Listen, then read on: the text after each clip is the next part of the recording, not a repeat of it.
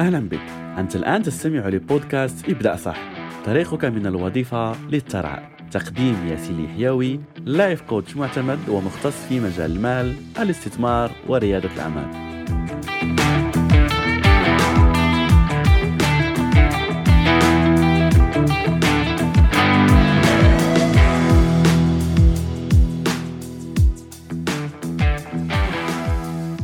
بسم الله الرحمن الرحيم. السلام عليكم ورحمة الله تعالى وبركاته. ولازلنا يعني مستمرين في حلقاتنا حلقات برنامج بودكاست ابدأ صح. وتكلمنا يعني في العديد من المفاهيم وكنت في واحدة من الحلقات تكلمنا عن سلوكيات توصلك للثراء. فاليوم سنتكلم شوية عن العكس وهي أفعال ولا سلوكيات تبقيك في الفقر ولا حتى لو كان عندك المال سترجعك للفقر وتوصلك للفقر.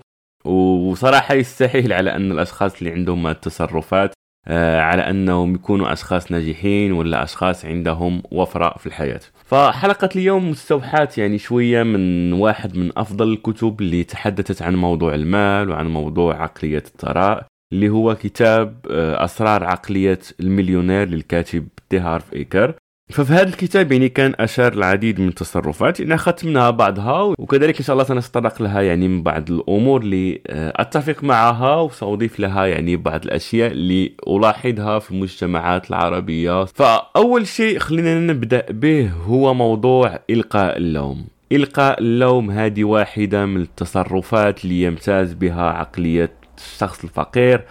واللي بالمناسبة يستحيل ولا نادرا لما تجدها عند شخص غني ولا شخص ناجح في حياته.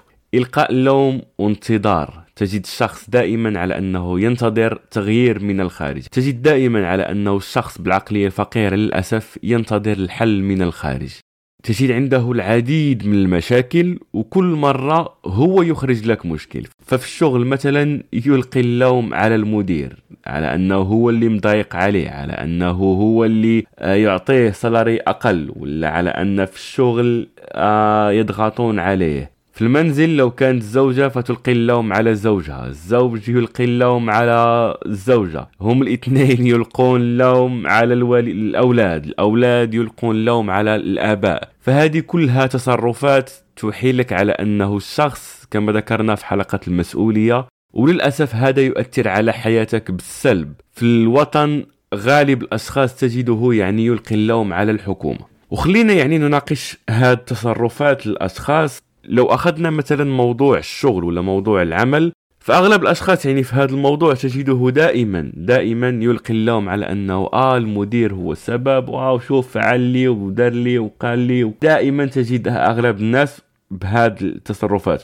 وبالمناسبة يعني أنا كذلك يعني كان عندي هذا المشكل في الوظيفة يعني لما تخرجت تذكر يعني كن كان عندنا يعني مدير في الشغل كنا يعني آه ثلاث أصدقاء ولا ثلاث زملاء في العمل. وعندنا يعني المدير كنا يوميا يعني نبدع في الغيبة وفي النميمة عن هذا المدير. آه شوف كيف قام بهذا وحنا يعني نقوم بالتاسكس الخاصة به. نقوم بها بداله وهو يعني لا يصلح لاي شيء ولا يفقه لا يعلم. وبالمقابل يعني كان هذا هو اللي يتحقق بالفعل. يعني كان تصرفات هذا المدير كان فعلا نعيش في ضغط نعيش في مشاكل نعيش على أنه نذهب للعمل لأنك مجبر لأنك تريد أن تحصل على الراتب في نهاية الشهر. وهذا يعني أتوصل به مئات المرات في مئات الرسائل. والأشخاص للأسف لا يريدون أن يفهموا هذا الأمر على أنه طول ما أنت يعني عايش بوعي الضحية وعايش على أنك أنت ضحية لشخص ما وعلى أن الناس تظلمك وأنك أنت المسكين الكيوت ليس لك أي قوة ولا أي يد أنك تغير هذه الحياة فستبقى ضحية. وطول ما أنت يعني لا تتقبل هذه الحقيقة فللأسف ستبقى تعيش بنفس الأمر طيلة حياتك. وأنا عارف على أنه وأنا أتكلم الآن هناك بعض الأشخاص اللي ينرفزهم هذا الكلام ويقول لك لا وكيف تقول هذا الأمر؟ وبالفعل مديري وشوف أنت يعني أنت لا تعرف مديري كيف هو. وهو السبب ولا؟ وهذه بالمناسبة يعني كانت وقعت لي العديد من المرات يعني في جلسات وهذا صراحة يعني اللي لا أفهمه. شخص يأتي لك طالب النصيحة ولا عنده مشكل يبحث عن الحل تمام؟ فلما تعطيه هذا الحل اللي أكيد أنت جيت لي يعني بمشكل أنا لن أتفلسف عليك أكيد ولكن بطبيعة الحال لو كنت جربت الحل اللي عندك ونجح لم تكن ستأتي لي ولا لم تكن ستطلب النصيحة سواء مني ولا من شخص آخر. بمجرد على أنك طلبت نصيحة من شخص ولا عندك مشكل ذهبت لمدرب ولا دكتور ولا حتى صديقك وقلت له أعطيك نصيحة ولا أي شخص طلبت منه النصيحة لو أعطاك يعني الحل اللي أنت أصلا مستمر عليه طيلة حياتك ولم ينفع فأكيد لن ينفع هذا الحل أيضا. لكن لما أعطيك حل جديد كيف يتصرف أغلب الناس؟ يرفض هذا الحل؟ ويقول لك آه لا ومديري آه هذا الكلام أنت اللي قلته آه كله جيد تمام ولكن أنت لا تعرف مديري آه أنت لا تعرف زوجي آه أنت لا تعرف زوجتي يا أخي اتق الله. المشكل ليس في أي شخص من هاد الأشخاص اللي ذكرتهم. المشكل فيك أنت. طول ما أنت يعني تلقي اللوم على الأشخاص الآخرين فكن متأكد على أن مشكلتك لن تحل. وهذا يعني لما أقولها فتجربة شخصية. هذه القصة اللي حكيت لك اللي أنا مريت منها. استطعت على أني أصبح صديق مع هذا الشخص. لما عرفت على أنه المشكل فيا وبدأت أطور من نفسي وغيرت من نفسي أنا بالأمور التي أشارك معك في هذه الحلقات وبدأت أركز على نفسي واركز على أهدافي وأرى على أن المشكل مني أنا ليس المشكل من هذا الشخص. في هذا الوقت تم حل هذا المشكل. وهذا يعني اللي أريدك أن تقوم به. ومن بين الصفات الأخرى للأسف المتواجدة في عقليه الأشخاص الفقراء. وأعيد وأذكر يعني أنا هنا أتكلم عن العقلية وليس الحساب البنكي تمام؟ فواحدة من الصفات هي العناد. العناد على أنه الشخص يظهر له على أنه بالنسبة له هو الصح وكل الأشياء التي يقوم بها الناس الآخرين هي الغلط. طيب تقول له جرب شيء جديد ولا غير؟ لا تقول لك لا أنا هو الصح. أنا الأمور التي أقوم بها هي الصح. ففكر فيها بالمنطق كل الناس في هذا العالم أي شخص يقوم بأي شيء فبالنسبة له هو الصح. لأنه خذ عندك الكارثة. لو كنت تدري على أنك تقوم بشيء غلط وأنت تقوم به ومستمر فيه فصراحة ليس لي تعليق.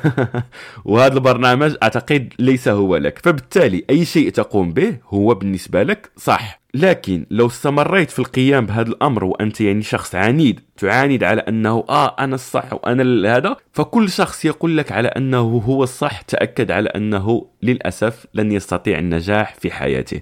لأنك ستنجح لما تبدأ تكتشف أفكار جديدة. لما تبدأ تناقش الأفكار التي عندك. لما تأخذ أفكار التي عندك وتقول آه ماذا لو كانت هذه الفكرة غلط؟ وبالمناسبة هذه نصيحة لك. كل الأفكار التي عندك وحتى الأفكار التي تحصل عليها من بينها الأفكار التي تحصل عليها من هذا البرنامج لا تصدقها كلها. انت في الأول وفي الأخير أنت حر لأني لا تعرف خلفيتي أنا ولا تعرف يعني هل الأشياء التي أقول لك فعلا صح ولا غلط. فدورك آه أنا أقول لك يعني الأشياء التي صح ولكن بالتأكيد صح من وجهة نظري. فلا تأخذها على أنها قرآن لا. ما دام الأشياء التي أقول لك ليست من القرآن وليست من السنة فحللها. شوف هل منطقية بالنسبة لك ولا لا لو كانت منطقية. تقبلها لأنه كما ذكرنا في حلقات يعني الإيمان وفي الحلقة اللي بعدها أي شيء تصدقه وتقبله فهو يدخل لعقلك اللاواعي ومع الممارسة مع المدة ومع كثرة التكرار تصبح هذه الأفكار عندك هي التي تسير حياتك. فبالتالي أنت مطالب على أنك تركز في الأفكار التي تدخل لعقلك. تمام؟ أمر آخر يعني يتميز به عقلية الشخص الفقير هي التبرير. العقلية الفقيرة دائما عنده مبررات لأي شيء يقوم به ولأي شيء لا يقوم به. تجده يعني تقول له آه أوكي قم بهذا الأمر يجب عليك أن تقوم بكذا وكذا. فيقول لك آه ليس لدي وقت. يا أخي كلنا عندنا مشاغل وكل الناس عندهم ظروف وكل الناس عندهم مسؤوليات لكن يجب أن تجد الوقت. عندك weekend خذ فيه ساعة ساعتين ثلاث ساعات. خذ نصف ساعة في اليوم. لا آه، ديك نصف ساعة في الصباح. لا أستطيع الاستيقاظ في الصباح. okay قم بها في الليل. آه لا الليل آتي للمنزل وآتي يعني آه أكون منهك من العمل.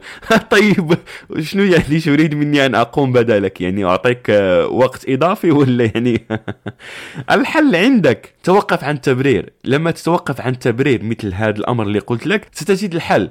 لما شخص تقول له مثلا في طرق زيادة الدخل كنت تكلمت عنها من بين أفضل الأمور لزيادة الدخل هو العمل أونلاين. فيقول لك ها ها ها لا يمكنني أن أقوم بهذا الأمر أنت لا تعرف بلدي ولا تعرف سياسة بلدي. يا أخي طيب okay. هل تعرف كم الأشخاص اللي من بلدك وكيفما كان هذا البلد وأنا أقسم بها لأني أعرف العديد من الأشخاص كل البلدان العربيه وفي كل هذه البلدان العربية حققوا نجاحات وتجي انت تقول لي لا في بلدي لا يمكن. كيف الأشخاص الآخرين استطاعوا؟ فتوقف عن التبرير. ولما تنتهي كل هذه الحجج ولا يجد لك حجة يخرج لك يعني واحد الحجة اللي صراحة لا أفهمها يقول لك المال غير مهم.